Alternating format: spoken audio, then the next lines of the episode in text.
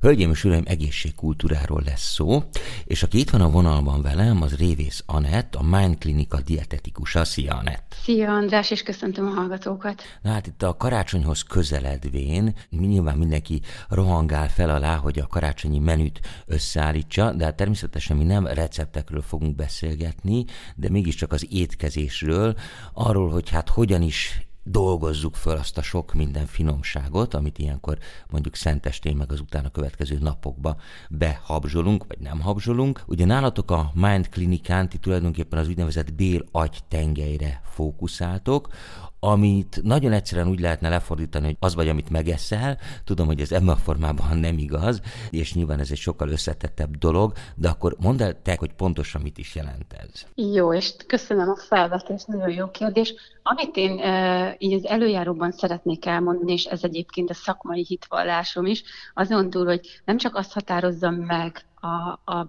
egyéniségünket, az, az egészségünket, az emésztésünket, hogy mit eszünk, vagy mit iszunk, hanem az is nagyban befolyásolja, hogy mit gondolunk, milyen állapotban vagyunk általánosan. Itt gondolok mm. például a stresszre, vagy a túlfeszített életmódra. De ha azt nézzük konkrétan, hogy akkor a bélagytengely kapcsolat az hogy jön létre, ez lényegében az emésztőrendszer és a központi idegrendszer működése közötti funkcionális kapcsolat, és ez a kapcsolat úgy tud létrejönni, vagy fennmaradni, hogy neurotranszmitterek vesznek részt ebben a folyamatban. Ezek micsodák? Gondolom, hogy információkat hordoznak föl Pontosan, alá. pontosan. Ezek kémiai hírvívő molekulák, hogyha így nagyon uh, egyszerűen szeretném uh, kifejezni az ő szerepüket, és ezekből többféle is van. A dopamint ide sorolhatnánk, a gabát, de szerintem ami nagyon érdekes, az a maga a szerotonin. Uh-huh. Szerotoninról talán már sokat lehetett hallani, hogy egy Van egy popszám is szerintem mostanában, én hallottam ilyet a rádióban. Aha, igen, lehet, az van. E, igazából a hangulatszabályozásban van e, elég nagy szerepe, ugyanakkor segíti az emésztést, figyelmezteti az agyat, hogyha valami nem stimmel, és azért is tudtam, hogy magát a szerotonint emelem ki, mert hogy tél van, ilyenkor hajlamosabb vagyunk arra, hogy begubózzunk, bezárkózzunk, picit depresszívebb hangulatba kerülünk, mert már fél négy-négy körül sötétedik, Úgyhogy azt gondoltam, hogy erről a molekuláról beszélnék egy kicsit részletesebben. Fia, rögtön meg kell kérdezem, lehet ezt kapni? Nem lehet kapni, nagyon, nagyon kár. Kérdés. Viszont tudunk tenni azért, hogy minél több termelődjön belőle. Uh-huh.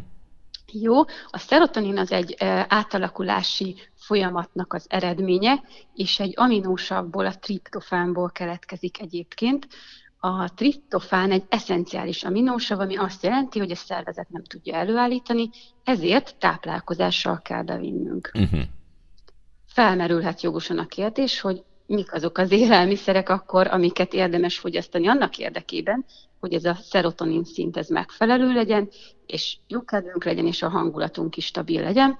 A leginkább a tojás, a hal, a szárnyasok, de ugyanúgy a hüvelyesek is, például a csicseriporsó, vagy az olajos magvak, vagy a szója is tartalmaz triptofánt. Ezekkel tudjuk biztosítani azt, hogy a szerotonin képződés az elindulhasson, ennek a, elindulhasson ez a folyamat.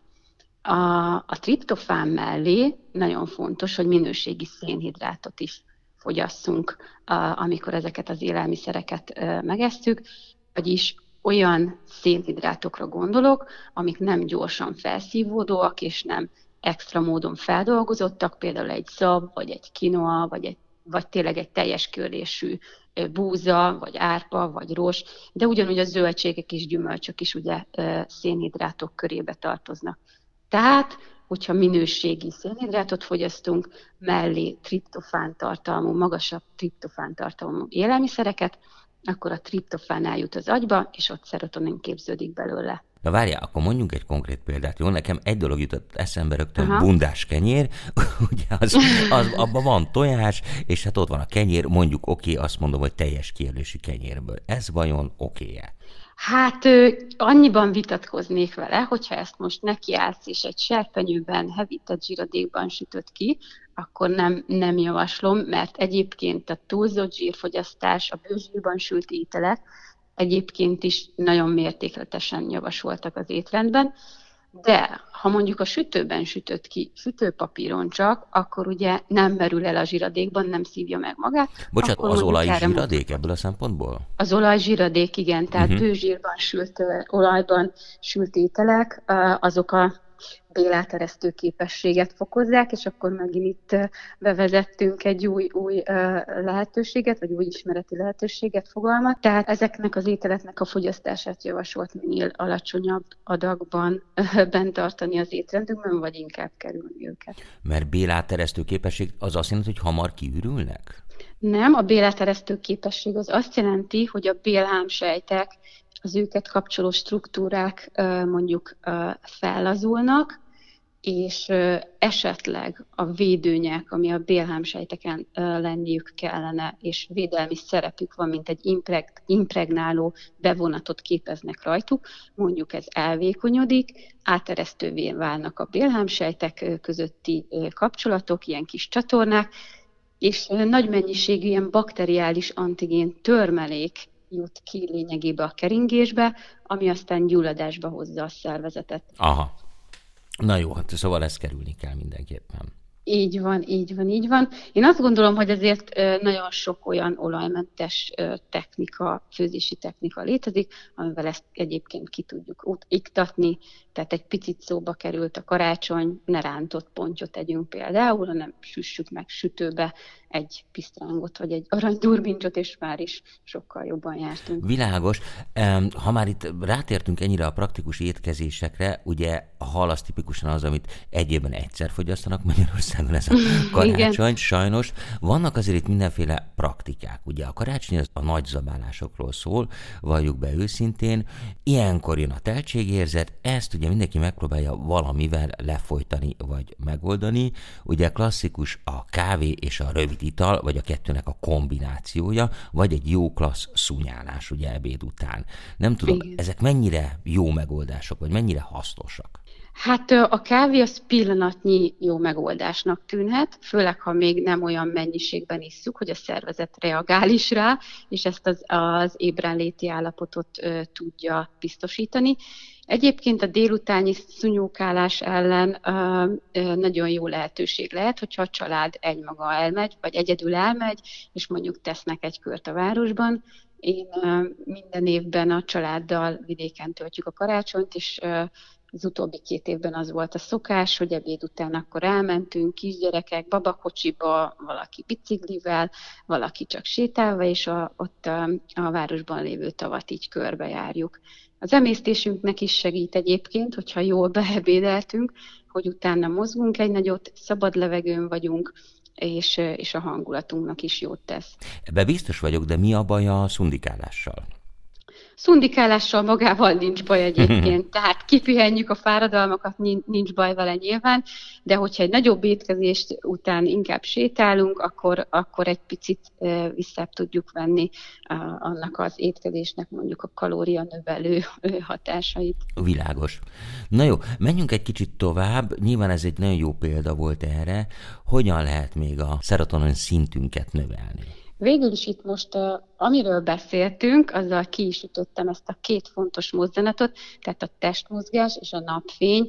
Ugye télen néha keresnünk kell, hogy hol van az a napfény, de ez a kettő még nagyon fontos abban, hogy ez a szerotonin szint nőjön. Tehát a magasabb triptofán tartalmú élelmiszerek, a minőségi rozsdús szénhidrátok fogyasztása, testmozgás, a napfény, és magának a mikrobiomnak az egyensúlya. Ugye ehhez a mikrobiom egyensúlyhoz hozzájárul az, hogy a, a bőzsírban, olajban ételeket csökkentjük, kerüljük az ételünk, étrendünkbe. Nagyon sok zöldséggyümölcsöt fogyasztunk, minél többet nyersen, és így biztosítjuk a jótékony bélbaktériumoknak a szaporodását egyébként a vastagbélben, a feldolgozott élelmiszereket, többszörösen feldolgozott élelmiszereket csökkentjük az étrendünkben, a cukorfogyasztás. Tehát ö, szerintem mindannyian itt a karácsony bűvkörében egyből eszünkbe jut a zserbó, a mézes krémes. Hajjaj. És eszünkbe se jut, hogy a desszert az lehet egy, akár egy gyümölcsaláta, vagy az is lehet, hogy megpucolunk egy narancsot, egy mandarint, és, és azt fogyasztjuk el desszertként a karácsonyi menü végeztével. Hmm, az jó is. Te, Anett, de behoztál egy új szereplőt ebbe, a, ebbe az izgalmas Na. történetbe, hmm. a mikrobiom. Hát ki ő, és mit kell róla tudni? A mikrobiom az lényegében a bennünk élő baktériumoknak, vírusoknak, gombáknak az összessége, és azt mondhatjuk, hogy ilyen 70%-ban egyedi.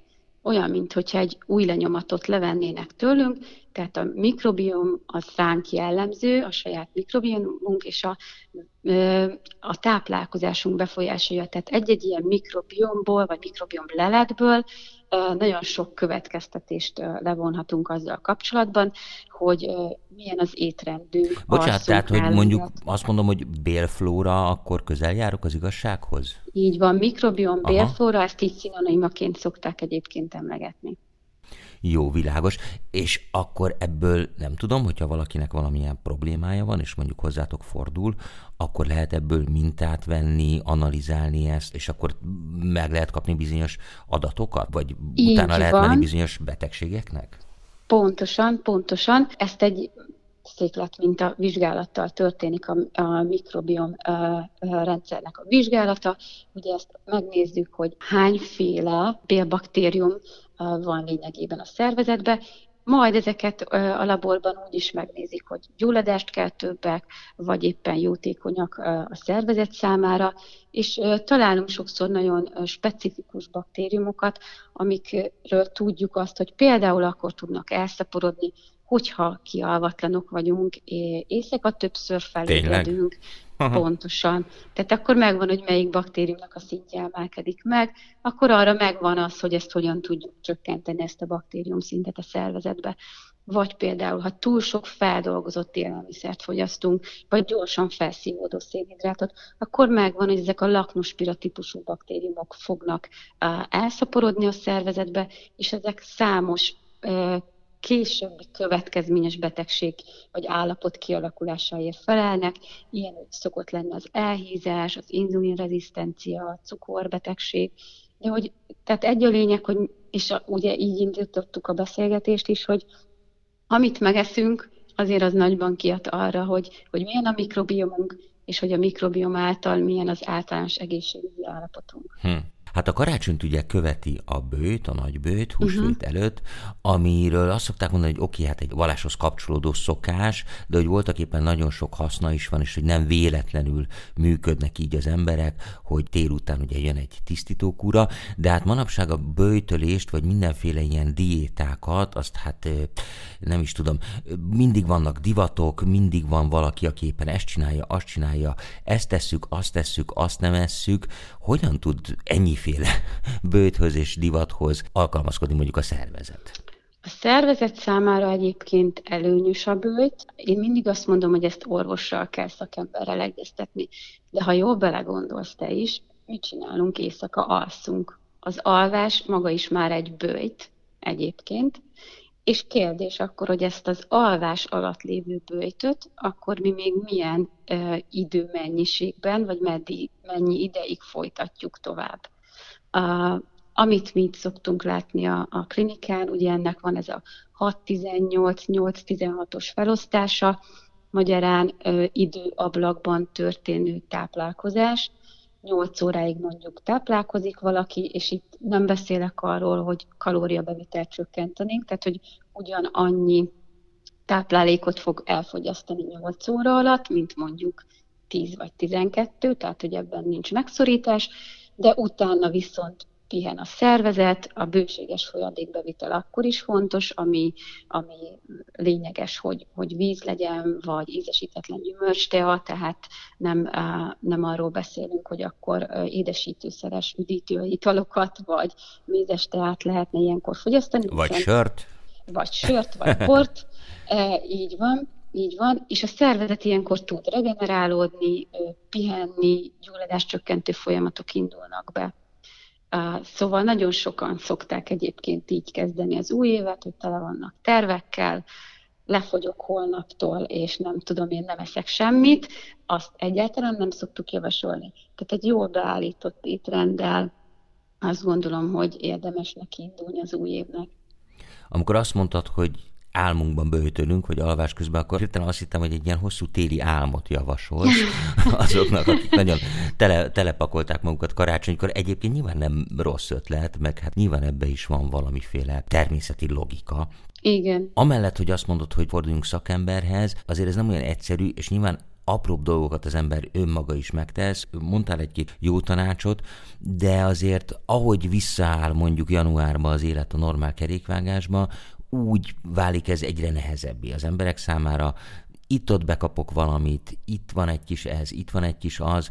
Van-e olyan általános jó tanács, amit lehet erre mondani? Mondok egy példát. Uh-huh. Valaki rááll arra, hogy mondjuk elkészíti otthon előre azokat az ételeket, amiket napközben szeretne fogyasztani, akkor ezt be tudja vinni a munkahelyére, elosztja, és valamennyi, valami fajta rendszer tud, tud bevinni a táplálkozásába. De ez nyilván sokak számára nehéz. Vannak-e ilyen jellegű praktikus tanácsok, amiket meg tudunk osztani hallgatókkal? Igen, én azt gondolom egyébként, hogy minden életmódváltásnak az alapja a tudatosság, és nagyon tudatosan kell szervezni az életünket. Tehát, hogy én azt szoktam mondani a tanácsadásokon is, hogy azt, azt nem kell várni, hogy valaki helyettünk kitalálja, hogy, hogy mit tegyünk, és összepakolja, mert ez valljuk hogy irreális. Én egyébként pont a dobozolás híve vagyok, ezt én nagyon sokszor elmondom máshol is, és, és én dobozokba előre kikészítem azt, amit hozok be a munkahelyemre magammal. Ami jó egyébként, és amit mindenkinek tudok ajánlani tényleg együnk bátran zöldségeket, gyümölcsöket, ezeket el tudjuk rákcsálni a munkahelyen, magunkkal tudjuk vinni. Én például szoktam ilyen mini sárgarépát, mini uborkát venni, amiket őszintén csak meg kell mosni egy dobozba betenni. Tehát, hogy én azt gondolom, hogy reggel egy ilyen 5-10 perces művelet, az igazán nem, nem nagy dolog az egészségünk érdekében. Ugye, hogyha veszünk retket, vagy pici koktélparadicsomot, vagy berakunk még uh, tényleg a táskánkba uh, mandarint, almát, akkor az almát itt vagy beleharapunk, vagy ugye felvágjuk csíkokra, és úgy eszük meg. A mandarin nagyon gyorsan meg lehet pucolni. Tehát azt gondolom, hogy az, hogyha minél több rostot fogyasztunk, és ezek a rostok az életünk részévé válnak, azzal nagyon sokat teszünk a magáért, a mikrobiom, a bélflóra egészségéért, és azért is, hogy sokkal egészségesebben induljon az új évünk. Na hát így legyen. Anett, nagyon szépen köszönöm, hogy itt voltál. Lassan itt elszaladt velünk az idő, de azt azért még muszáj megkérdeznem, hogy hát mi kerül egy dietetikus karácsonyi asztalára? Nálatok mi, mi van karácsonykor? Mi a menü? Ez egy nagyon jó kérdés. Pont tegnap indult erről az egyeztetés a családban, hogy akkor ki mit visz. Én vagyok mindig a saláta felelős egyébként. Aha én, és mivel vidékre utazom, tehát nyilván ott fogom összeállítani a salátát, de az összes kelléket elviszem, egy ilyen jégsalátát viszek alapnak, és akkor erre vágok össze mindenféle zöldséget, gyümölcsöt, általában sárgarépa kerül bele, uborka, retek, egy ilyen olíva, olívaolajos öntettel szoktam meglocsolni, illetve azért valljuk be, amikor leül egy nagy család az asztal köré, valakinek lesz diabétesz, cukorbetegség és magas vérnyomása, Úgyhogy én most az idén azt gondoltam az ő érdekükben, hogy csak növényi eredetű élelmiszert fogok vinni, úgyhogy egy ilyen lencse alapú fasírt golyót fogok készíteni a családnak, és emellé egy kinoa fog készülni, ami egy nagyon jó növényi fehérje és rostforrás is egyben. Ez a mag, ugye, amiről beszélünk, ez a ki a mag? Nem? A, nem, ez a kinoa. Ez a kinoa egy fajta, tehát nincs uh, gluténtartalma, ugyanakkor egy, egy tényleg egy nagyon jó uh, köretforrás lehet a szokványos fehér rizs vagy rizibizi helyett. Hm. Hát Anett, nagyon szépen köszönöm, hogy elmondtad ezeket, és akkor nagyon jó étvágyat, meg nagyon-nagyon boldog karácsonyt neked. Köszönöm, viszont kívánom neked is, meg a hallgatóknak is. Köszönöm szépen, szervusz! Szia!